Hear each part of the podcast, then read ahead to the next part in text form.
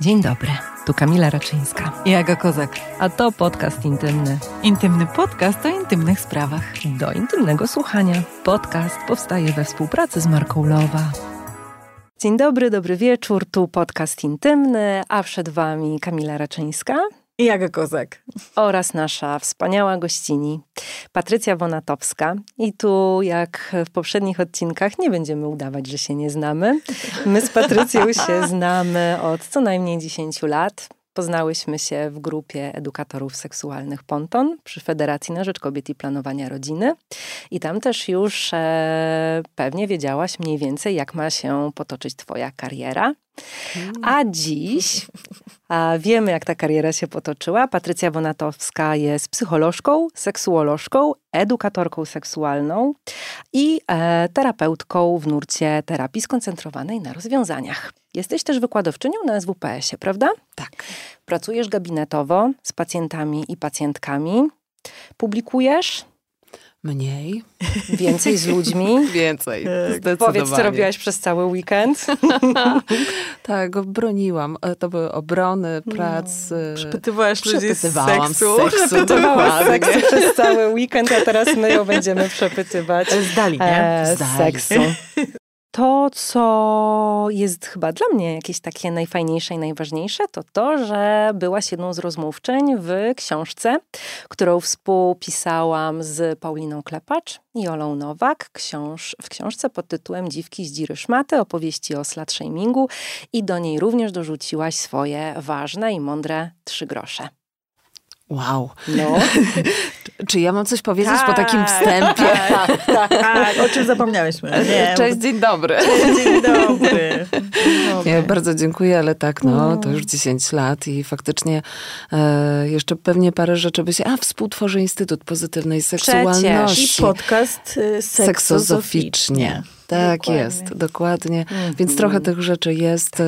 także sporo, sporo rzeczywiście e, pracuję, mam dużo kontaktu z osobami też w różnym wieku, bo też i jeszcze zdarza się do szkół chodzić, ale też mm. i prowadzę warsztaty e, i dla młodych dorosłych, dla młodych ludzi, dla trochę starszych ludzi i dla jeszcze starszych, więc rzeczywiście tych grup wiekowych całkiem sporo jest. I ja, Patrycja, mam do ciebie w pierwszej kolejności takie pytanie, e, które my słyszymy bardzo często w mhm. różnych e, okolicznościach. Same sobie czasami zadajemy Dokładnie, same je sobie czasem zadajemy i myślę, że jesteś świetną osobą, która nam na nie odpowie właśnie dzięki temu, że masz tyle kompetencji.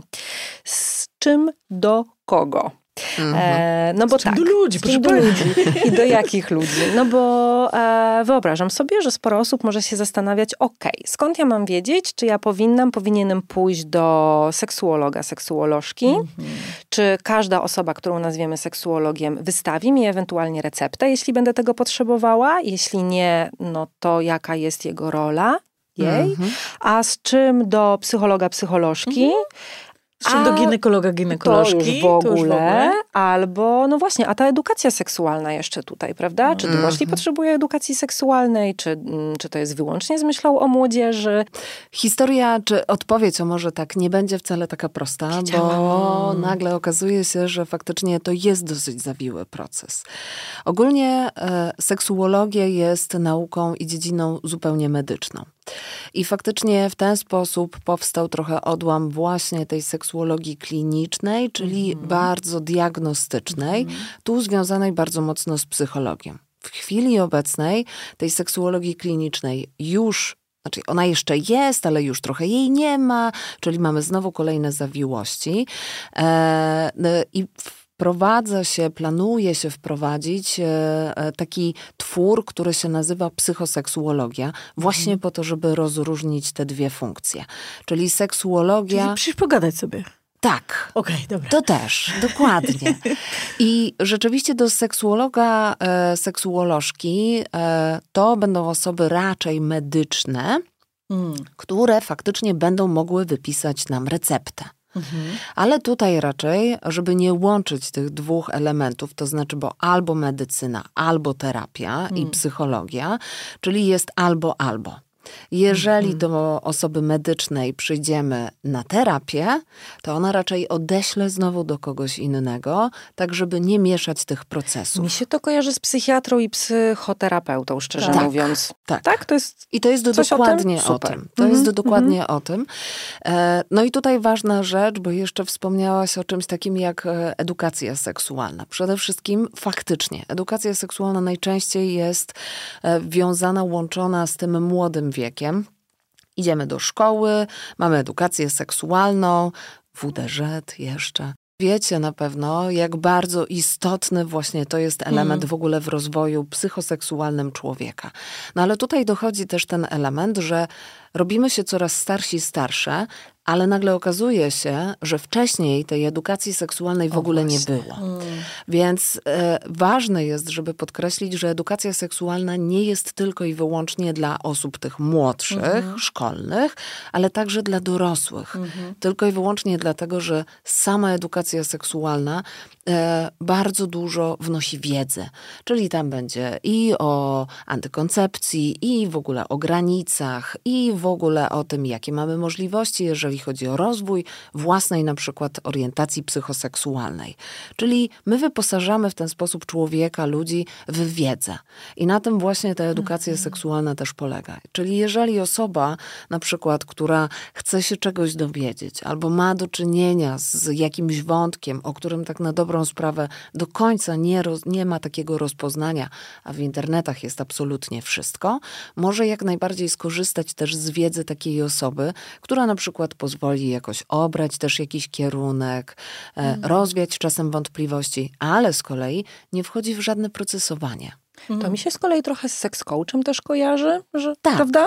Tak, Nie? tak. Że ja mogę sobie tak pójść do kogoś i tak zebrać m, do kupy. nie próbowałam wymyślić, inne, ale nie mogłam. Lubimy, E, lubimy. Zebrać do kupy na przykład taką swoją rozpierzchniętą trochę wiedzę, że coś tam wiem, gdzieś mi dzwoni, albo właśnie przykład. jakąś wątpliwość, nie?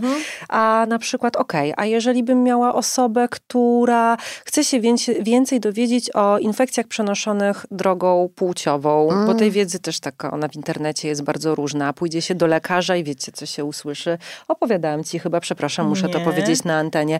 A jak moja serdeczna znajoma poprosiła ginekolożkę, planując ciążę, o wypisanie skierowania na cały ten pakiet STI, czyli e, seksualnie przenoszonych infekcji i usłyszała od lekarki, że wyłudza badania i że trzeba było sobie tam zaszyć, tam zaszyć, a nie teraz od systemu wyłudzać badania na infekcję przenoszone drogą płciową, skoro nic nie swędzi i nie piecze. Okej. Ja jak poprosiłam o pełen pakiet z HIV AIDS, no bo taka no, dobra praktyka, to usłyszałam, na pewno pani, na, na pewno, na pewno. I tam potem były straszne szepty takie wokoło tego. W ogóle wszyscy byli absolutnie w szoku, że w ogóle przyszła kobieta i prosi o coś tak po takiego. prostu. A nic tak. ją nie swędzi i nie piecze. Ale też, że mówi o tym wprost i w ogóle mówi, przepraszam bardzo, bo ja mam te HIV-owe swoje badania, one już są czy nie? nie? Jakby, I panie były w absolutnym szoku, że ja w ogóle mogę o to zapytać. Aha. A Więc no tak, Więc o, chyba rozmawiajmy mamy, o tym. mamy trochę Do tutaj do, odrobienia. do, robie, do odrobienia. Więc właśnie, czy jeżeli e, ja nie mam pewności na temat tego, na przykład w jakich interwałach, na co się powinnam badać, Mhm. czy jako heteroseksualna kobieta muszę sobie robić wymazy ze wszystkich otworów ciała, czy wystarczy z pochwy, to kogo ja mam o to zapytać? I tutaj właśnie e, edukacja seksualna też. Prawda? No Dokładnie. właśnie. Jak najbardziej. Także absolutnie tu polecam też te osoby. No właśnie, tak coś czułam. Em, chciałabym... Mhm. Bo ty pracujesz jako te, jakby psycholożka, psychoterapeutka i seksuolożka, czyli do ciebie się przychodzi na przykład, no z czym?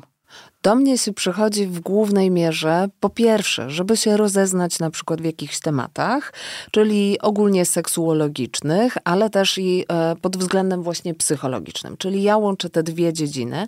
Ja nie wypisuję recept, O, to co jest Ciekawe. bardzo istotne.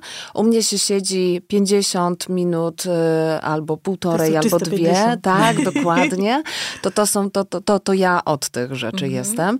Natomiast, y, no, no właśnie, to wszystko też zależy, bo w ramach edukacji seksualnej na przykład y, wychodzę na ulicę, edukuję młodych ludzi, ale i też, no właśnie, w różnym wieku. Więc rzeczywiście tak gabinetowo to do mnie się przychodzi, żeby pogadać, dowiedzieć się, dostać czasem jakieś zadania domowe, No właśnie, a takie ćwiczenia, tak jak na miednicy, albo różnego rodzaju, tak jak mówisz, zadania Mhm. domowe, albo ćwiczenia z czucia ciała, albo to też jest twoja działka? M- Moją działką jest to, żeby wiedzieć o takich rzeczach i wtedy na przykład e, właśnie mając tak Usyła wspaniałych ludzi, dokładnie, więc e, to jest też zawsze e, bardzo istotne i bardzo ważne, żeby osoba, która faktycznie w seksuologii w ogóle działa, miała taką siatkę właśnie pewnie, wspaniałych... To sieciowanie jest takie Dokładnie. ważne, nie? Bo mając, nie wiem, jakieś wsparcie, zaplecze właśnie psychiatryczne, ja wiem, że osoba, czy osoby, które do mnie trafiają, jeżeli będą potrzebować wsparcia psychiatrycznego, one na pewno trafią w dobre ręce. A w momencie, kiedy rzeczywiście coś tam od tych mięśni na miednicy, to ja już wiem, że odsyłam tą osobę w dobre ręce i ona też dostanie to, co będzie chciała, a później do mnie przyjdzie i powie, Pani Patrycjo, jest jakoś inaczej. To porozmawiajmy o tym, nie? Wspaniale. A pracujesz też z parami, Patrycja? Par- pracuję, tak, z I jak parami. rozumiem, e, nie tylko heteroseksualnymi. Nie, tutaj Prawda? e, zakres jest e, duży, bo to są i pary, e, w sensie są to dwie osoby, Aha. mogą być różnopłciowe, jednopłciowe, ale pracuję też z konstelacjami. Oj, wspaniale. Czyli przychodzą do mnie na przykład, nie wiem, trzy, cztery, Mm. czasami pięć osób. Mhm. E, coraz częściej też no, rzeczywiście e, pojawiają się takie konspekty, jak też rodziny na przykład patchworkowe, Mhm, czyli ludzie gdzieś kończą jedne relacje, wchodzą w kolejne, ale jednak mimo wszystko chcą się też dogadać, więc tutaj też z takimi konstelacjami, układami też jak Wspaniale. najbardziej. Duży gabinet. No, dużo Tak, tutaj wielka tak. kanapa.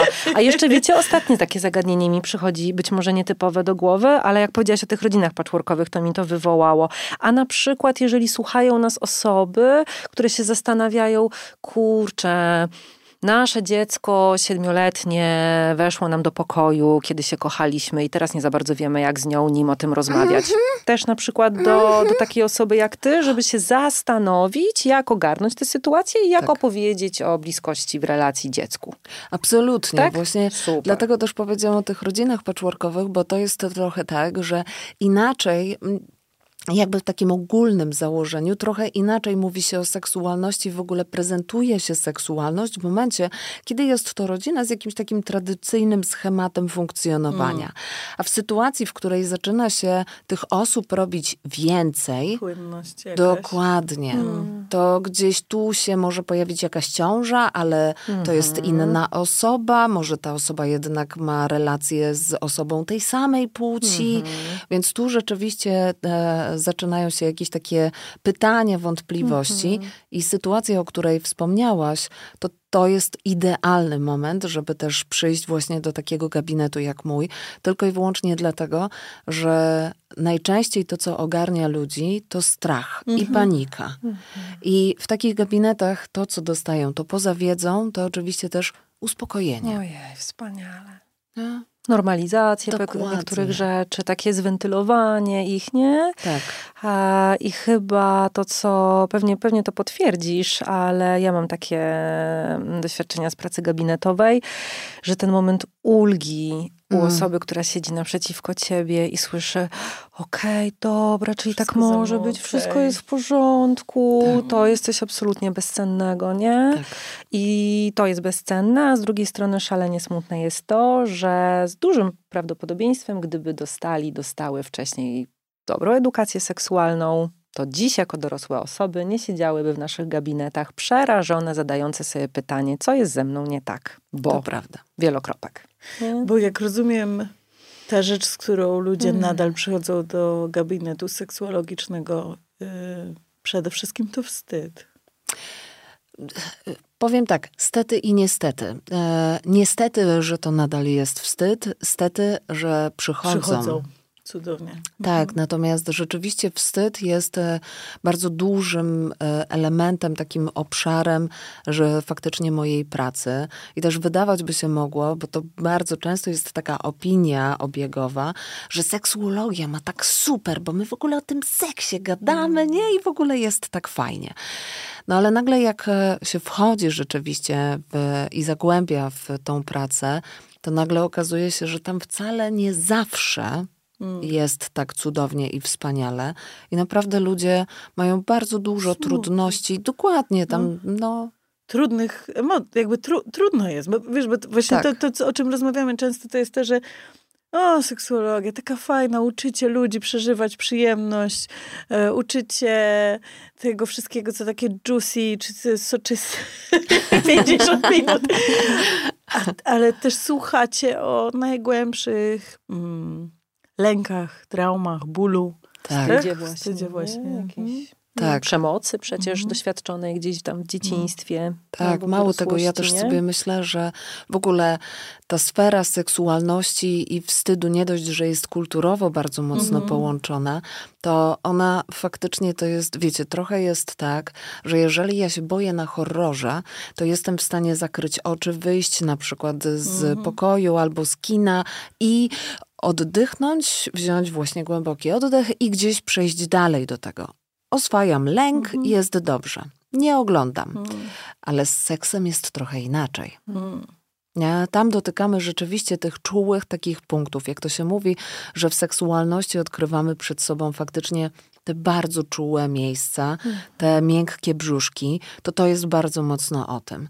Jeżeli już te miękkie brzuszki zostaną poodkrywane, to tam faktycznie dużo takich rzeczy rzeczywiście może powychodzić. Brené Brown mówi, że wstyd to jest fear of belonging, tak? Czy mm. że boimy się, że nie będziemy, y, że nie przynależymy, ale że nie przynależymy do pary, że nie jesteśmy w porządku społecznie, mm. że coś jest z nami po prostu głęboko albo mniej głęboko nie tak. Że jesteśmy, uszkodzeni, uszkodzeni mm. że chcemy czegoś chorego, e, że to, co mamy nie jest takie, jak powinno, -hmm. powinno być, jak rozumiem. Czego wstydzą się um, osoby przychodzące do gabinetów seksuologicznych? Chyba taką najczęstszą, najczęstszym komentarzem, czy najczęstszym e, e, elementem jest to, że ludzie wstydzą się być w seksie. A, o. Być w seksie, co to znaczy? E, to znaczy, bycie w seksie, w seksie polega przede wszystkim na tym, że ja w jakimś stopniu kontaktuję się nie tylko z drugim człowiekiem, ale kontaktuję się ze mm. sobą.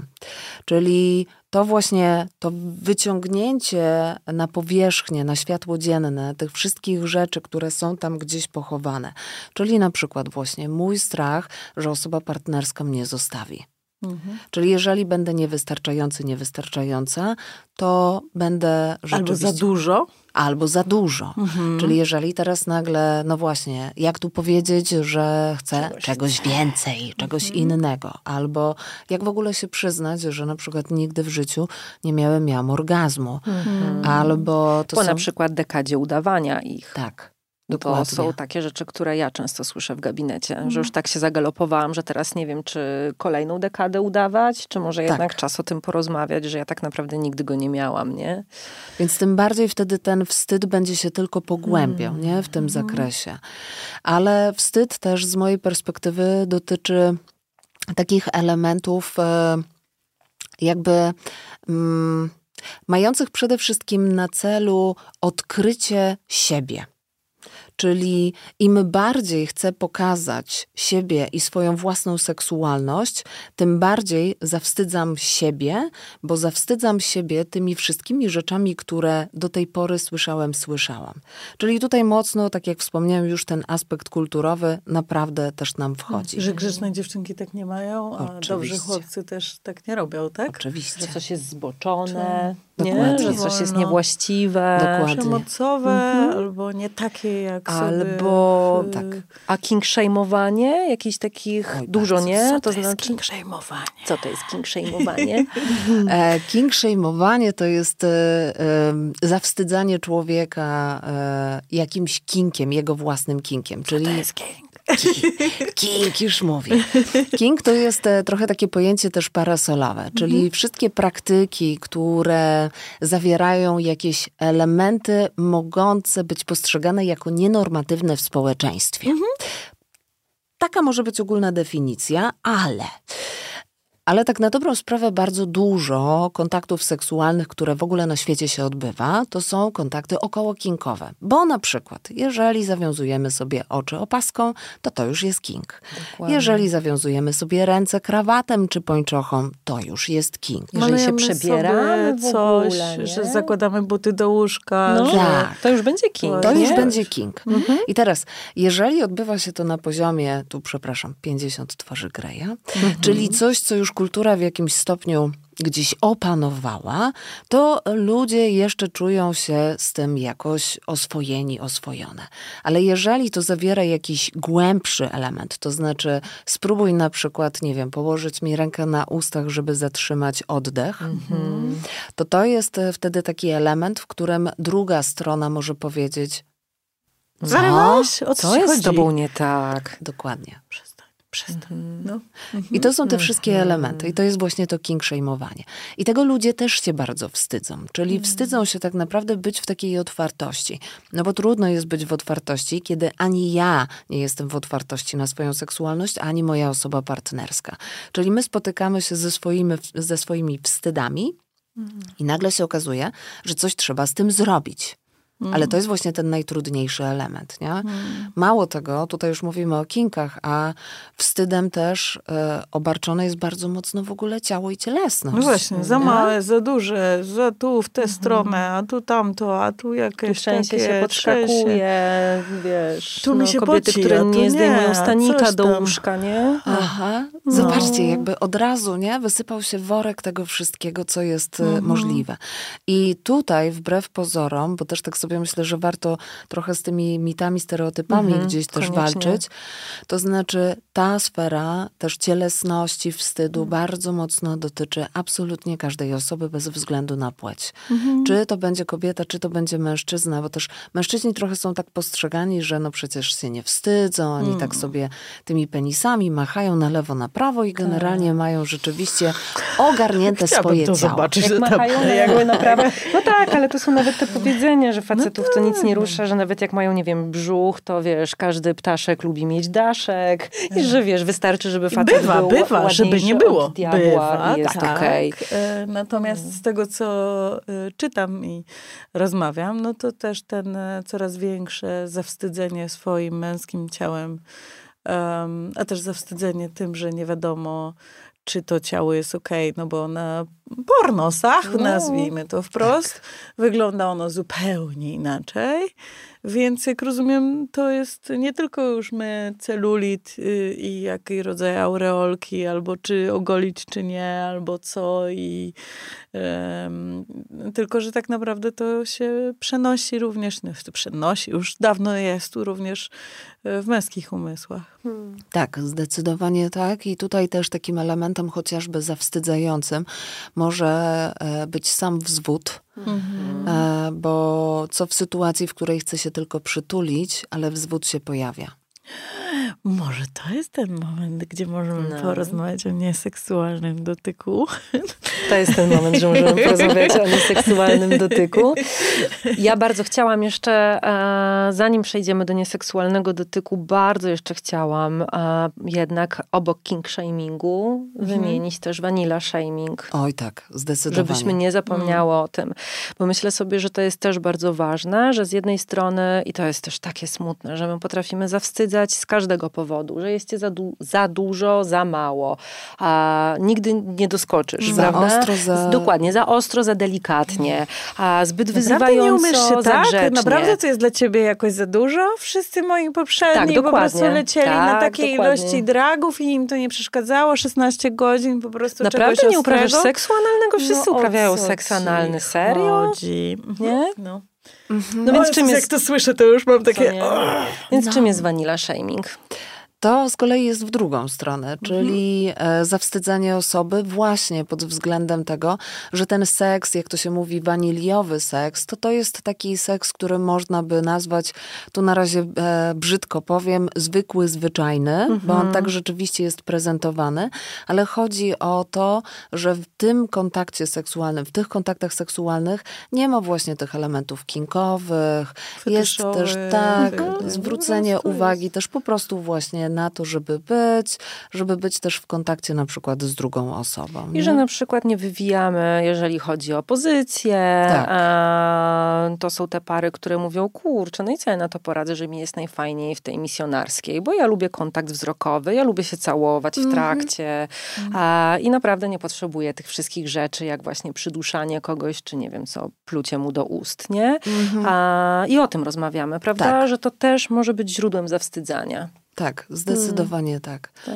Ja e, też tak sobie myślę, e, zaraz przejdziemy Aha. dalej, ale tutaj poruszamy też bardzo istotny element, to znaczy, zobaczcie, jakby w tym seksie i w seksualności mamy bardzo dużo skrajności, czyli od jednego elementu do drugiego elementu i zatrzymanie się gdzieś w środku i znalezienie w ogóle tego swojego jest bardzo trudne, dlatego, że to wiąże się jeszcze dodatkowo i tu znowu pojawia się wstyd, bo to wiąże się z tym, że ja w jakimś stopniu muszę się obronić. Muszę obronić swoje zdanie, czy jeżeli spotykam osobę, która właśnie mówi, no jak to czegoś nie lubisz, to ja takie, no nie, no to, to jakaś dziwna, dziwny jesteś. Czyli od razu, wiecie, e, poruszamy i dotykamy właśnie tych najbardziej czułych punktów, to znaczy też poczucie tożsamości i przynależności. Dokładnie. Znowu ten fear I of to jest ten belonging. No. lęk przed rzuceniem, Lęk dokładnie. Przed odrzuceniem. Więc to porusza wtedy też bardzo dużo e, takich e, elementów, że ja zaczynam zgadzać się lub mogę właśnie przekraczać swoje granice. Mogę, Przymuszać się. tak, albo też wspomniałaś o dragach, czyli rzeczywiście tutaj substancje psychoaktywne stoją otworem, bo ludzie dzięki temu, czy przez to podejmują różne kontakty, ale wcale niekoniecznie tego chcą. Świadomie. Tak. I później nagle następnego dnia też się budzą i mają takie mm, chyba mi się nie podobało, Na trzeźwo ale, bym tego nie zrobiła. ale chyba to jeszcze nie teraz, to może jak spróbujemy następnym razem. I zobaczcie, jakby tutaj też pojawia się autozawstydzanie, czyli jeżeli tego nie zrobię, to znaczy, że znowu będę nie jakiś jakaś. Dziękuję, że słuchasz naszego podcastu intymnego. Zobacz, jak jeszcze bardziej możesz pielęgnować swoją intymność i seksualność. Wejdź na lowa.care i zacznij czerpać maksymalną przyjemność ze zbliżeń. Te głosy y, tego wstydu pochodzą z bardzo wielu źródeł, prawda? To Tak. znaczy, to, że my sami siebie zawstydzamy, wynika z e, kultury, z głosów rodziców, dziadków, rodzeństwa, rówieśników ze szkoły, tego wszystkiego, co zobaczyliśmy. Chociażby, no właśnie, też na pornografii, no bo przecież no, nie można lubić tylko i wyłącznie pozycji misjonarskiej i No czegoś i na, no tam, właśnie na pornografii nie masz, e, jeżeli- wani- masz dużo Mm, mniej tak, waniliowych takich tak. e, aspektów. Nie? Więc ich jak rozumiem, to są po prostu, zanim człowiek w ogóle odsunie ten tłum od siebie Mhm. i powie, elo, nie, jakby to moje, to no, może minąć trochę czasu, a te głosy i tak mogą wracać, Oj, tak. zmieniać się, jak nie to, to tamto. I mogą należeć do naszych byłych partnerów, partnerek, e, osób partnerskich, które po prostu gdzieś tam coś zwróciły na nas uwagę. Em, I, i tak, z, z, bardzo mnie to intryguje, że to jest też takie przejmowanie władzy nie? nad kimś, że po prostu to, Bardzo. że robisz komuś taką rzecz, że mówisz, em, no nie, no serio? No serio? Nie, no nie, jakby to jest Dziwne, wstrętne. okropne. Okropne, nie? Mhm. Jakby, że to jest też takie coś, czego nas nauczono, my tego też używamy Hmm. jako narze, narzędzia, nie? Oj tak. Zarządzania drugą, e, drugą stroną, nie? Mhm. No, o, no właśnie, narzędzia, żeby zarządzać drugą, drugą stroną. Yy, czy to znaczy, że obie strony próbują w ten sposób manipulować? To znaczy, mo- możemy spotkać się w sypialniach, że tak powiem, zarówno z toksyczną męskością, która mówi, no jak to nie lubisz seksu analnego? Wszystkie moje były lubiły, wszystkie laski to lubią. Co ty jesteś jakaś taka drętwa? To rozumiem w tym wypadku jako taką toksyczną męskość, ale czy to znaczy, że mamy też toksyczną kobiecość, która mówi coś podobnego? No, I jak to ci nie staje? okej. Dlaczego? Co jest z tobą nie tak? Prawdziwy facet powinien zawsze, Zawsze. przecież Mm. zawsze powinien myśleć o seksie i zawsze powinien móc robić ten seks. Mhm. Albo, no przecież w takim momencie to jest a propos tego właśnie Mhm. dotyku, nie? Czyli jeżeli chce się przytulić, wiecie, jakby też e, trochę w psychoterapii mówi się o takim e, momencie, w którym rzeczywiście na przykład e, jest dziecko, ono ma e, rodziców e, czy opiekunów, opiekunki i jest tam osoba męska, osoba z penisem. To jeżeli to dziecko e, ma płeć żeńską, to następuje taki element i taki moment, w którym rzeczywiście staje się to bardzo trudnym momentem, szczególnie dla na przykład ojca, opiekuna. Bo ta dziewczynka jest ładna Mhm. Wszyscy znamy, e, albo większość z nas zna rzeczywiście ten e, e, mit Lolitki, mhm. film i tak dalej to to jest bardzo mocno o tym, czyli dziewczynki zaczynają dorastać, zaczynają się podobać też swoim ojcom, ale w kontekście nieseksualnym. Mhm. Ale są generalnie frywolne, wskakują na kolana i ten ruch, ta energia też może doprowadzić do na przykład wzwodu. Mhm. I w tym momencie ojcowie mogą być absolutnie przerażeni. No ja się wcale no, nie, ja dziwię, nie, dziwię, bo kto im kiedykolwiek powiedział, że coś takiego może mieć miejsce, Ojciec nie? No, totalnie przerażony. Ale to w ogóle się dużo totalnie. o tym mówi, że ojcowie się bardzo odsuwają od swoich dorastających tak. córek, przestają tak. je dotykać, przestają je przytulać. Bo jak? Bo nie no. wiedzą jak, a córka to mhm. interpretuje jako, o mój Boże, co jest ze mną nie tak? Co jest ze mną nie no. tak? Czy to moje ciało go brzydzi? A mhm. czy coś, co się ze mną dzieje, go odstręcza. I super, nie? że o tym mówisz, bo teraz zobaczcie, idziemy dalej, teraz ta dziewczynka, ta osoba wychowywana hmm. w takich warunkach, później wchodzi w swoją dorosłość, hmm. jeżeli poszukuje partnera, hmm. to też poszukuje jakiejś formy czułości, mhm. ale ten partner uczony też poprzez kulturę, może tym bardziej ją odsuwać od siebie. Więc zobaczcie, jaki tutaj jest wspaniały, ale okrutny element no. przyciągania no. i odpychania. Mm. To jest nieustająca walka o to, żeby być zauważonym, zauważoną od osoby, która mnie wyśmiewa, ale która też ma swoje wstydy i też nie wie, w jaki sposób o tym rozmawiać. Oh, wow. Więc kręcimy się w wspaniałym kole. Myślę sobie, że nachodzą na to też wszystkie nowe ruchy y, kultury, to, że weszło y, i ruch mitu, który jest czasami postrzegany jako obosieczny miecz, to, że do tej pory mieliśmy do czynienia z takim klasycznym patriarchatem, a nagle wszystko się zmienia, relacje się przedefiniowują, nagle pojawiają się e, silniej w kulturze osoby queer, e, które wnoszą różnego rodzaju elementy i jakby poradzenie sobie z tym wszystkim, e, i tu mówię zarówno o kobietach, które oczywiście mają teraz ten e, wspaniały okres rozkwitu w feminizmie, ale jednocześnie też zmęczenia wieloma rolami, które muszą przyjąć, a, a tym, że nagle kończy się pewnego rodzaju mit męskości i co dalej zrobić, czy w ogóle dotykać, czy komplementować, czy patrzeć, czy po prostu jak patrzeć, jak patrzeć jak podrywać, jak w ogóle, w ogóle powiedzieć, że I, się i czegoś w tym wszystkim chce, jak wychowywać córkę, która Dokładnie właśnie dorasta, tak. jak tak. się mierzyć z jej seksualnością. Ona przychodzi z jakimiś niebinarnymi koleżankami. Co to znaczy? Jestem facetem, który osobami. ma... E, osobami, tak, tak niebinarnymi. E, I nie wiem, co jestem facetem koło pięćdziesiątki. Moja córka ma trzynaście. I ja nie mam, w ogóle nie, nie czaję tego świata, nie? Aha. No. To pacjenci, jak rozumiem. Ach. Mówi się pacjenci czy klienci? U mnie są klienci, A, osoby klienckie. osoby klienckie. Tak. I co mhm. bywa, tak? To, to absolutnie. absolutnie. To jest to, o czym... Mm. To jest dokładnie to. Mhm. Jakby kwintesencja.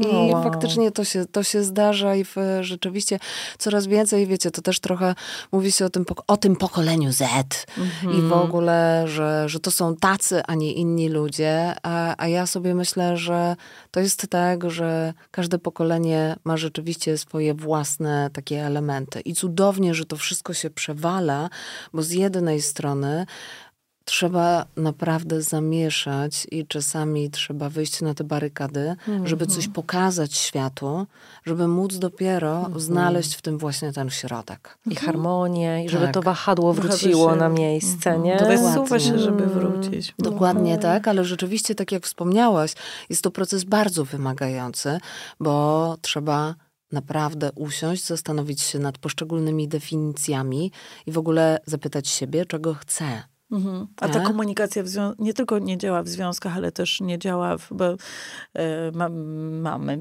znajomą, która mówi, że tam w seksie to się seks mało liczy, liczy się komunikacja, ale że ta komunikacja nie działa nie tylko w, w relacjach różnych, tylko też nie działa często z, nie jesteśmy nauczeni wysłuchiwania swojego własnego głosu, prawda? Absolutnie. Mhm. I, I, stąd też mhm. właśnie to podłoże dla wstydu. Nie, bo mhm. zobaczcie, jeżeli ja muszę się skontaktować z czymś, co jest tak naprawdę lub może być potencjalnie trudne, czyli jest to na przykład taki element, no dobra, jakby hmm, nie chcę się e, pokazywać przed tą drugą osobą, przed innymi osobami, na przykład nago, mhm. bo mój brzuch jest niejakiś, mhm. dajmy na to. No i teraz to ja muszę się z tym skonfrontować dlaczego ten brzuch jest niejakiś, co sprawia, że ten brzuch jest niejakiś, czy on może być zaakceptowany dokładnie taki, jaki jest, a jeżeli zostanie zaakceptowany, to co w związku z tym? No tak, bo czasami najgorzej jest, jak ktoś nas zaakceptuje takich, jakimi jesteśmy i myślimy sobie, ale coś z tą osobą jest źle, bo przecież ja jestem przecież wadliwa. O co ci chodzi? No, no. albo się okazuje, że my się bardzo chowaliśmy, chowałyśmy w jakichś naszych właśnie tych skorupkach, w lęku i i tak, było nam wygodnie. Dokładnie, tak, tak, tak, tak. I teraz zrzucam tę skorupę, jestem, stoję przed tobą naga i, i delikatna i zranialna e, i się okazuje, że ja nie umiem tym za bardzo w świecie operować, nie? Tak. Tak, bo to są właśnie te nowe definicje i trochę nowe spojrzenie, tak. nie? Bo nowe się... przekonania, prawda? Oj. Taka aktualizacja, ja to lubię nazywać taką aktualizacją systemu, systemu. od czasu mm. do czasu, żeby się spotkać z jakimiś swoimi przekonaniami i Bardzo. sprawdzić, które są w ogóle wciąż moje, czy ten plecak z tych przekonań, yy, często po prostu pełen kamieni, który ja niosę na plecach, to czy to jest na pewno moje, czy to jest aktualne, mm. bo nawet jeżeli było mm. moje pięć lat temu, to nie znaczy, że jest moje dzisiaj. To, że ja lubiłam coś w jakiejś poprzedniej relacji, nie znaczy, znaczy, że będę lubiła to samo w tej relacji, nie? Mhm. A, więc rozumiem, że takie aktualizacje systemów, na przykład, nie wiem, po rozwodach, po rozstaniach, a, to też jest coś... Miesięcznym. O, proszę cię. Ale mam Czasem na myśli o po takich dużych tranzycjach, nie? Momentach przejścia, to też jest kawałek, z którym możesz pracować, co nie? Absolutnie, hmm. tak, tak. Hmm. I rzeczywiście, e, no, no, właśnie, z jednej strony, bo to wiecie, znowu też ta dwoistość trochę świata, nie? Z jednej strony sky's the limit, mhm. z drugiej strony zaakceptuj siebie dokładnie takim, taką, jaka jesteś. Mhm. I to jest bardzo trudne. Sky is the limit, to znaczy, że można się że możesz, zmienić, tak, tak rosnąć, wszystko tak, możesz, Dokładnie. Nie? A jednocześnie ten moment, w którym jesteś, jest tym, tym momentem, który jest ok, i masz myśleć o nim jako o tym, który jest ok, tak? tak Jak rozumiem dobrze, Tak, nie? tak. No bo to na przykład dla mnie to idzie y, ręka w rękę z y, tym, że wszyscy chodzą na siłownię i chcą być jacyś, a jednocześnie mamy ten body, positive, body positivity, które mówię, a nie, no to tam to jest fajne, to jest fajne, to jest fajne. I masz takie schizofrenia tej kultury. Trochę tak.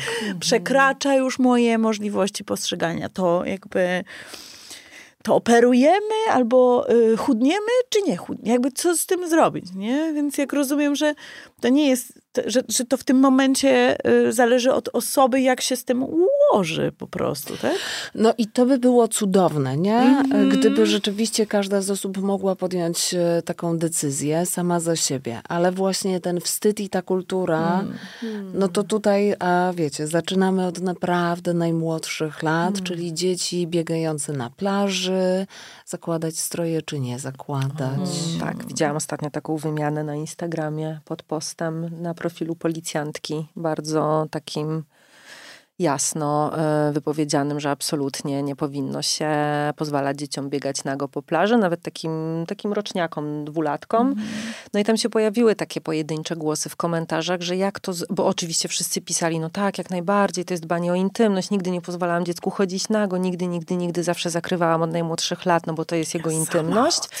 A z drugiej strony ktoś zadał moim zdaniem słuszne no. pytanie, okej, okay, ale jak to zrobić, żeby to nie stało obok wstydu, no. żeby dziecko tego nie zrozumiało, jako komunikat, że mhm. musisz się tam zakryć, bo te części twojego ciała są, no wiesz, fe. E, I to mhm. jest strasznie... Albo, że trzeba chronić. Tak. Tak, bo to też jest jakby, wiesz, tam jak trzeba chronić, to znaczy, że coś Że- tam że jest idzie do- że zagrożenie. idzie zagrożenie, tak? E, Jakby, I to jest strasznie trudne. Myślę, że to jest potwornie trudne nawet dla osoby, która ma wykształcenie jakieś około seksuologiczne, a weź, weź bądź sobie takim zwykłym, zwykłym rodzicem, który ma najlepsze chęci i chce faktycznie chronić swoje dziecko. No i właśnie jak to opowiedzieć temu dziecku, żeby ono jedyne, co zapamięta z tej rozmowy, to żeby nie było gdzieś jest masa pedofilów, które, którzy czekają na ciebie. Mhm. No i coś jest z tobą nie tak, trzeba to zakryć. Mhm. Nie? Ja bardzo często mówię w- w takich sytuacjach, że w ogóle rozmowa na ten temat, czyli że ważne jest, że to ja też mam wpływ na to i udział w tym, kto mnie w jakiej wersji widzi. Mhm. I że jeżeli jesteśmy na plaży, jest to trochę inna wersja, a inne są też intencje, inne są też motywacje. I jeżeli coś wydaje ci się nie okej, to po to są osoby dorosłe, żeby to dziecko przyszło i rzeczywiście o tym powiedziało. Wtedy na przykład, żeby poczuć się bezpiecznie, schroni się przy rodzicach. Więc tutaj tak sobie myślę, że to do czego ja też bym zachęcała, to nie przerzucać i tu zdaję sobie sprawę, że to może być kontrowersyjne też, bo naprawdę dużo osób robi to tylko i wyłącznie poprzez właśnie chroniąc, e, chcąc chronić swoje dzieci, ale to jest trochę przerzucanie jednak odpowiedzialności na to dziecko. Mm. Nie? Że wiecie, jakby ten malec... Marysia ten... się nie zakryła, to znaczy, że... Tak. No, Marysia się nie zakryła i pan na nią łypał, no. Trzeba było się zakryć, jakby się Marysia zakryła. Odpowiednik shamingu No i, i krótkie spódniczki. właśnie, czy to i nie, tak no, czy tak Marysia dalej, nie, wzrośnie w doro, nie wrośnie w dorosłość z przekonaniem, że Maria mogła się ubrać inaczej, to by jej nie zgwałcono. Dokładnie o to chodzi, nie? A jednak e, są narody na tym świecie, Hmm. w których można chodzić na golasa, rodziny chodzą ze sobą na golasa dokładnie. i okazuje się, że wcale nie trzeba patrzeć na ciało tylko i wyłącznie pod względem seksualnym i w tym kontekście. I tu jest ten moment. Tak, dokładnie. rozmawiamy. Tu jest ten moment.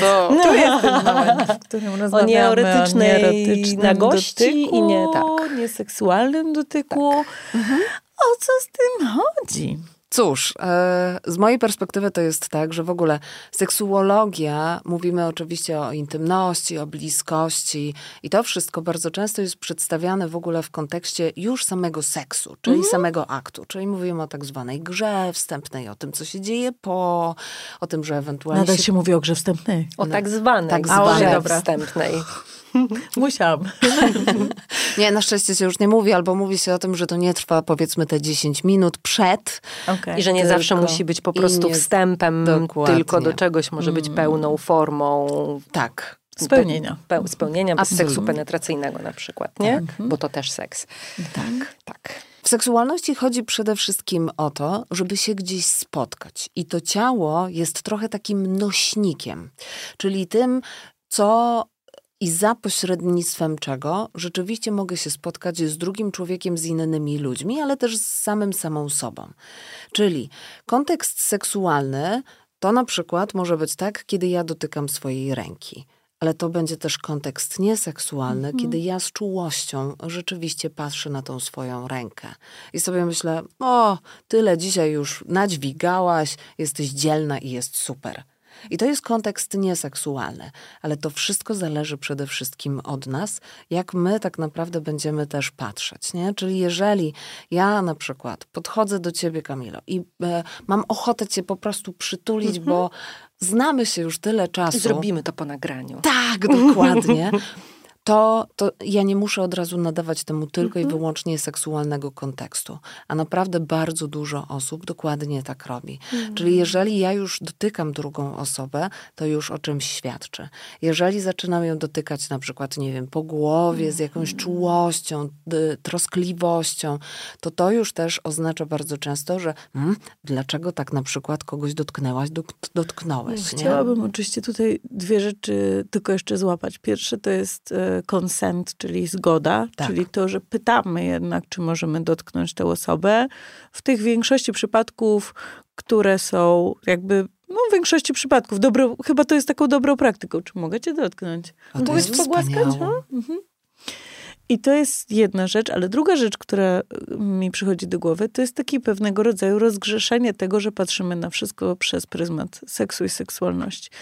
To paradoksalnie świadczy o tym, że nie mamy wcale kultury, która jest przesiąknięta wspaniałą erotyką, Dokładnie. seksualnością i przyzwoleniem na seks, tylko że tak naprawdę mamy kulturę, która jest seksualizowana. Opowiedz, bo to też ciekawe, że piętnuje bardziej seks i tego seksu się dopatruje wszędzie, nawet tam, gdzie tego nie ma, ponieważ jest on tak jakby ukryty, mm, czasami brudny, czasami podejrzany, czasami jakiś taki, no nie taki jak, że to nie jest okej, okay, tak? Więc mhm. będziemy dopatrywać się tego, albo będziemy każdy rodzaj dotyku, no bo mamy go tak mało, tak mało się w naszej kulturze dotykamy, widzimy nago, chodzimy ze sobą do sauny, oglądamy jako właśnie dzieciaki, czy, e, czy po prostu latamy sobie z wszystkim na wierzchu, że tak naprawdę każdy ten kontekst już jest po prostu kontekstem prawie porno. Tak, tak. No.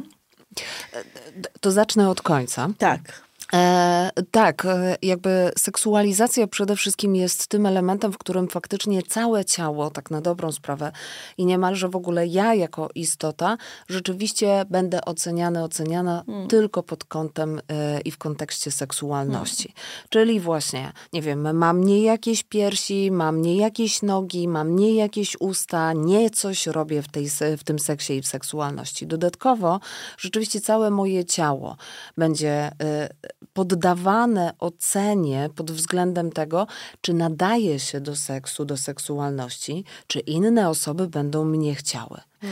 I czasem pojawia się rzeczywiście w przestrzeni e, medialnej taka dyskusja, że edukacja seksualna to seksualizacja mhm. jest kompletnie na odwrót. Mhm. Wyposażanie osoby w wiedzę nie jest tym, żeby pokazywać, jak bardzo jesteś istotą seksualną, tylko jest właśnie tym konsentem, od którego wyszłaś, czyli tym, że to ja mam udział w tym, gdzie stawiać te granice. Hmm. Czyli tutaj mamy kompletne zaprzeczenie hmm. temu, nie? I też a propos właśnie tego dotykania. Na szczęście to już coraz częściej się przebija, ale też tak sobie myślę, że to jest w ogóle przecudowne móc zapytać drugą osobę hmm. o to, czy w ogóle mogę cię dotknąć i poczekać na odpowiedź. Hmm. Bo to jest taka przestrzeń, w której rzeczywiście dopiero my ściągamy ten wstyd, ściągamy wszystkie inne rzeczy, które są właśnie gdzieś dookoła, tylko po prostu jesteśmy w takiej autentyczności i szczerości. Nie ma większej intymności, mhm. jak zadanie komuś pytania, czy mogę coś ci zrobić i mogę cię dotknąć. Z mojej perspektywy mhm. to jest mistrzostwo. Hmm. Ja też mam takie myśli i często, um, często słyszę to od kobiet w gabinecie, które mówią: Ja już nawet sztywnieję i mi się szczęka zaciska, gdy mm. tylko on, w domyśle mój partner, mm. mąż, ale chodzi zwykle no, o mm. mężczyznę, bo to są heteroseksualne relacje, do mnie podchodzi i mnie przytula. Dlaczego? Bo ja wiem, ja wiem, że on, to, on tego nie robi bezinteresownie, tylko dla niego te, te, nie wiem, tam 30 sekund przytulenia to jest taki potrzebny wstęp, żeby potem za chwilę mnie złapać za pierś, złapać za pośladek i kontynuować to w kierunku do seksu, a ja nie mam na mhm. ten seks ochoty, ja bym miała ochotę na czułość, więc ja już sztywnieję, gdy tylko do mnie podchodzi, napinam się, więc on przestaje mnie dotykać, a kiedy ja mu po trzech tygodniach mówię, to ty mnie w ogóle nie przytulasz, wiesz, Mietek, w ogóle mnie nie przytulasz. To on mówi, no jak chciałem cię przytulić, to uciekałaś. Mm. Tylko, że on nie chciał jej tak naprawdę przytulić mm. bezinteresownie. To nie był nieerotyczny dotyk. On momentalnie już szedł w kierunku zainicjowania, zainicjowania seksu. Masz podobne doświadczenie? Ja mam jeszcze takie doświadczenie, które jest bardzo, może jest uzupełniające no. do niego, że na przykład ostatnio wtedy, kiedy przytulam chłopaków, to oni no. mi mówią, ale wiesz, bo ja teraz to jakbyśmy mogli tylko się przytulać, Ojej, bo wow. ja teraz jakby nie mam ochoty. I na przykład, Czyli wiesz, to się dzieje, naprawdę. To się dzieje, Cudownie. natomiast to jest cudowne też w tym sensie, że dla mnie absolutnie szokujące jest to, że oczywiście jest tam implikacja tego, że jeżeli ja przytulam, to znaczy, że e, będę tą no, wymagającą. Okej, okay, dobrze, przyjmę to. Natomiast też ten, ten, ta możliwość, e, wiesz, tego, że ktoś mówi właśnie komunikuje. No. Jest super. Oczywiście to jest dla mnie smutne, że jeżeli jak kogoś przytulam, to on myśli, że od razu, czy ona, czy... Że musi być że gotowości. Musi być gotowości. Tak? To jest mm. oczywiście bardzo, bardzo jakby smutne, tak? Bo to jest dokładnie to samo, tylko rewers, e, nie? rewers tak. Mhm, Więc to się mhm. też zdarza. I Czyli to działa w obie chciałabym strony. tutaj powiedzieć działa. o tym. No. Hmm. Działa, działa i też tak sobie myślę, że w ogóle... Um, trudno jest, ja sobie myślę, że tak kulturowo i społecznie trudno jest, zobaczcie, e, pokonać e, lata tego, tak. jak myśmy nie mówili, nie mówiły hmm. o tym, że przytulanie się jest naprawdę absolutnie okej. Okay. Mhm. Jakby to było i jeszcze niestety trochę jest, ale na szczęście to się zmienia, ale zarezerwowane tylko i wyłącznie dla osób kochankowych mhm. i dla dzieci. Mhm. Osoby kochankowe, jak ładnie. Mhm. I to są tak na dobrą sprawę te dwie sytuacje, w których mhm. faktycznie to przytulenie jest dopuszczalne. Mhm. Ewentualnie jeszcze przyjaciółki, tak. czyli dziewczyny, e, osoby płci żeńskiej. A teraz to już te przyjaciółki to się tak przytulają, one sobie takie rzeczy robią. Mówię też o tym w kontekście super. tego, to jest super, ale mówię o tym w też kontekście tego, że jak rozmawiam na przykład z terapeutami prowadzącymi męskie grupy i wtedy albo męskie grupy terapeutyczne i oni proponują jakieś wspólne ćwiczenia mężczyznom w tej grupie, to, to jest dla nich szokujące, że mają dotknąć innego mężczyznę. Oh, wow. Nie mówiąc już o tym, że ci terapeuci mówią wspaniale, a my mamy na przykład masaż stóp, albo masaż pośladków. Jeden mężczyzna drugiemu daje również nieerotyczny y, dotyk. Przecudo większość znajomych e, moich, e, cis hetero, mhm. reaguje po prostu prawie, wiesz, jak, jak można, nie? Coś jest, jakby, jak bardzo to jest smutne, nie? Jeżeli myśmy no. tak bardzo zseksualizowali nawet, wiesz. I że ci te chłopy, nie możesz, możesz, i te chłopy muszą się no. niejednokrotnie po prostu zalać w trupa, tak, żeby, żeby się tam, o, wiesz, kubatanckie opowieści, tak. klepanie po plecach i dopiero wtedy, albo w sporcie. No, w sporcie jeszcze, prawda? powiedzieć. Nie? Tak, tak. No ale to wtedy jest kontekst tak, inny, Tak, nie? tak, tak, tak. Że jakby mamy większe przyzwolenie, no bo wtedy jak się rzucamy na siebie, to przecież Nawet się... tam się w pośladek można klepnąć, tak. coś ten, nie? Ale jakie to mhm. jest smutne, że oni muszą naprawdę znaleźć w, te, w tej socjalizacji jakieś takie wyłomy, takie szpareczki, żeby móc po prostu pobyć w kontakcie fizycznym z drugą osobą nieseksualnie. I ciągnąc wtedy to, co mówicie, e, to jest trochę też tak, że absolutnie tutaj nie obstaje po żadnej ze stron. Natomiast mhm. E, jeżeli chodzi o te, tych mężczyzn, o których wspominałaś, mhm. że masz do czynienia mhm. z ich partnerkami, to, to oni bardzo często nie znają innej możliwości. Tak. Nie? Czyli ten seks to to jest jedyna tak naprawdę możliwość, kiedy faktycznie mogę kogoś mieć blisko. Mhm. I po prostu z kimś albo, spędzić czas. Że tak się mówi, że w naszej kulturze albo mężczyźni mogą być blisko cieleśnie, albo bijąc się z kimś i mhm. okazując, ale, a jakby... A nic poza a tym. Coś, albo przez seks i nic poza tym. Dokładnie I to, to, to, trochę mm. prowadzi mnie do takiego pytania, które my mm, też... Y, chciałybyśmy chyba zadać o to, jak się w ogóle w tych teraz relacjach, wiesz, bo to, to nie jest proste, żeby się w tych relacjach dogadywać, wiesz, rozmawiać właśnie o tym, nie? O tych wszystkich rzeczach, tak ściągać kolejne warstwy mm. siebie, jak ogry mają warstwy. Tak. Czy ściągać te, te majtki przysłowiowe, wiesz, że tak naprawdę ta rozmowa to jest też rozmowa o kulturze, o tym dzieciństwie i tak dalej, i tak dalej.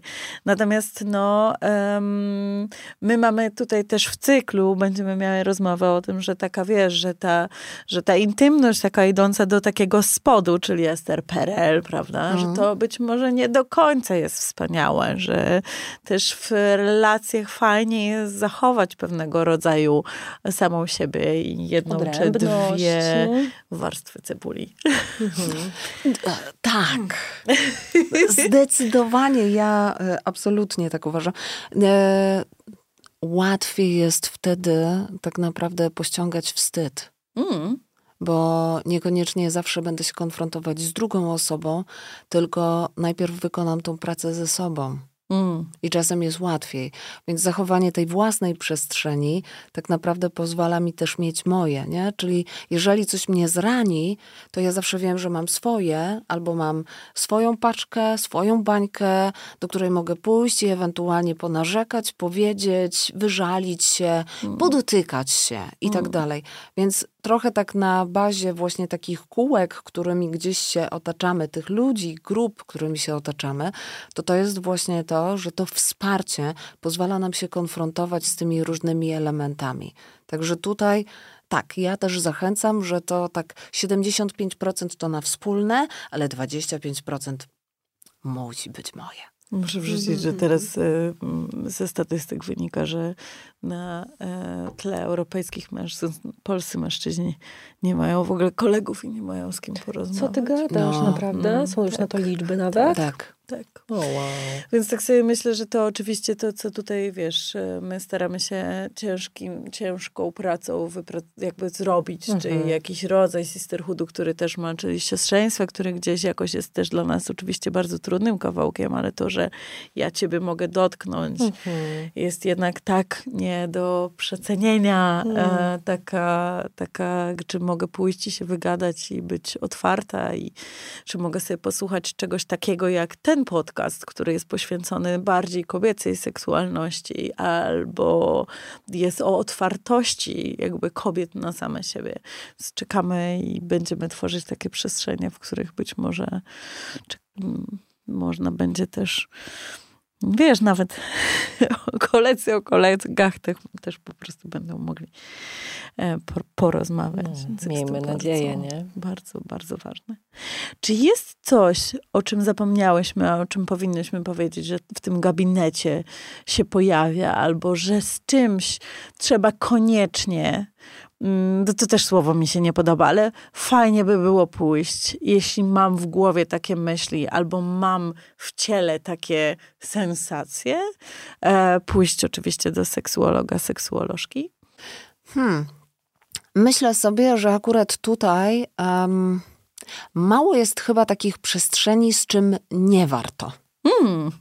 Bardziej w tych kategoriach, bo jeżeli na przykład uważam, że ten seks mógłby być trochę lepszy, to jest dobre miejsce. Jeżeli z jakiegoś powodu ten seks wygląda od lat nastu tak samo, to też jest dobry element, żeby pójść. E, jeśli mi to przeszkadza. Jeśli mi to przeszkadza. I jeżeli mam na przykład jakąś taką fantazję na temat tego, hmm, może faktycznie warto by było, tak ewentualnie dzieci odchowane, to jednak może może coś warto by było odbudować na przykład. E, kiedy pojawia się w domu dziecko, też czasem mm. warto się skonfrontować, bo to też jest zmiana w ogóle roli życiowej. A w tej roli życiowej może na przykład nie być miejsca na seksualność. Więc y, ja jestem tą osobą, która jednak mówi, ok, ale zróbmy tam chociaż takie małe zdziebełko, trawki, mm. żeby jednak ta seksualność tam była, nie? Co, co ewentualnie możemy razem zrobić, tak żeby dana osoba to trochę tak jak z tym związkiem, nie weszła w całości, mm. tylko mhm. zostawiła coś swojego. Mhm. I czasami właśnie będę tą osobą, która na przykład mówi: OK, ale może tutaj już jednak spróbujmy wyznaczyć jakieś granice, nie? Czyli poprzez modelowanie mhm. też e, gdzieś dużo rzeczy się dzieje. No oczywiście relacje są takim e, obszarem, z którym też warto iść. Jeżeli wchodzimy w nowe relacje, a na przykład poprzednie nam jakoś nie wychodziły, to też warto pójść. Jakby Naprawdę dużo, dużo. jest takich obszarów. No. Dużo, dużo. Ale to wszystko tylko i wyłącznie dlatego, że wstyd i że brak edukacji seksualnej. Hmm. Gdyby były te dwie, te dwa elementy, y, którymi się opiekujemy też tak społecznie, to znaczy to nie jest tylko i wyłącznie tak, że na przykład ci rodzice, opiekunowie mają się za, faktycznie zatroszczyć o to dziecko, które jest tam na plaży, tylko cała społeczność, mhm. która jest na plaży, faktycznie zwraca na to uwagę i wszystkie osoby troszczą się o te dzieci, które są na plaży, podejście do seksualności byłoby inne. Gdyby było tak, że koledzy mogą ze sobą swobodnie rozmawiać i jeden drugiemu może powiedzieć: Słuchajcie, mam jakieś trudności, hmm. i nie byłby shamingowany i zawstydzany, hmm. też by było łatwiej. Dziewczyny, kobiety trochę sobie te przestrzenie gdzieś wynajdują, tworzą i to jest cudowne, ale to z kolei też tworzy rozłączenie od na przykład płci męskiej. Dokładnie. Nie? Dokładnie. Więc edukujmy się. Naprawdę. Koniecznie. Więc więcej takich miejsc i takich rzeczy. Dziękuję. Cudownie. My, Patrycja, zawsze na koniec zadajemy takie pytanie, które bardzo lubimy, e, a mianowicie, czy miałabyś ochotę podzielić się jakimiś swoimi receptami, e, biorę tu, robię to oczywiście e, w cudzysłowie, swoimi z gabinetu jako profesjonalistka, ekspertka, ale być może masz ochotę się podzielić czymś też tak od siebie, od siebie. Jak utrzymać tę energię seksualną? Poza tym, że myśleć, to to jedno, ale Ale tak w ogóle myśleć, czy Ale o tak- tym myśleć? no właśnie tak w ogóle myśleć. To znaczy, e, ja wychodząc z gabinetu, oczywiście najpierw robię sobie przestrzeń w ogóle na swoje własne życie, odpoczywam i tak dalej, a później sobie myślę, okej, jak dzisiaj doświadczyłam swojej seksualności. I czekam trochę na to, co przyjdzie. Czyli na przykład, czy rzeczywiście, nie wiem, ten stanik albo ta bluzka, którą mam, tak bardzo mnie uwierała, że generalnie jedyne, co miałam ochotę zrobić, to po prostu cały czas się drapać, co w ogóle nie wskazywało na to, że moje ciało i ja się czuję z nim komfortowo. Innym razem sobie myślę, ależ ta kąpiel była cudowna. I jeszcze innym, mm, to co zjadłam było wyśmienite. A jeszcze innym, ten seks, który właśnie miałam, był fantastyczny. I co sprawiało, że on był naprawdę fantastyczny. Więc to myślenie rzeczywiście dokładnie. I to nie tylko w kontekstach tego, że podejmuję kontakty seksualne, tylko czy na przykład dzisiaj piosenka, którą właśnie usłyszałam, zachęcała mnie do tego, żeby jakoś pofalować swoim ciałem, albo ten krok mi się zmienił, albo ja poczułam, że po prostu tak brakuje mi tylko tego takiego pejcza na przykład w ręku, wiecie, nie? Jak idę na tych szpilkach na przykład. I to jest właśnie to. A innym razem, no to sobie myślę, okej, dzisiaj dresik, ale też to przydałby mi się taki, takie mięciutka seksualność, że ja bym chciała tak, żeby faktycznie druga osoba czy inne osoby mnie tak podotykały z taką czułością, uważnością. Więc A co jeśli pojawi się wtedy taka myśl, nie mam albo nie czuję? to czy dobrze mi z tym? Mhm. Czy coś bym chciała w tym zmienić? Czy dzisiejszy dzień rzeczywiście był taki, że zupełnie na nią nie było miejsca? Mhm. Ale poprzez zadanie sobie tego pytania ja już zrobiłam to źdźbła. Zatroszczyłam się i zwróciłam uwagę. Cudowny. Piękne. Dziękujemy Ci bardzo, że byłaś z nami. E, Patrycja Wonatowska była naszą dzisiejszą gościnią, a my zapraszamy Was na następne odcinki. Słuchajcie, subskrybujcie, polecajcie znajomym. Mówiły do Was Aga Kozak. I Kamila Raczyńska. Bardzo to był dziękujemy. podcast intymny. Tak, to był podcast intymny. Bardzo dziękujemy. Bardzo dziękujemy. Bardzo dziękuję. Partnerem podcastu intymnego jest marka Lowa, tworząca produkty wspierające zdrowie intymne i satysfakcję seksualną. Wejdź na lowa.care i dołącz do kobiet, które pragną więcej.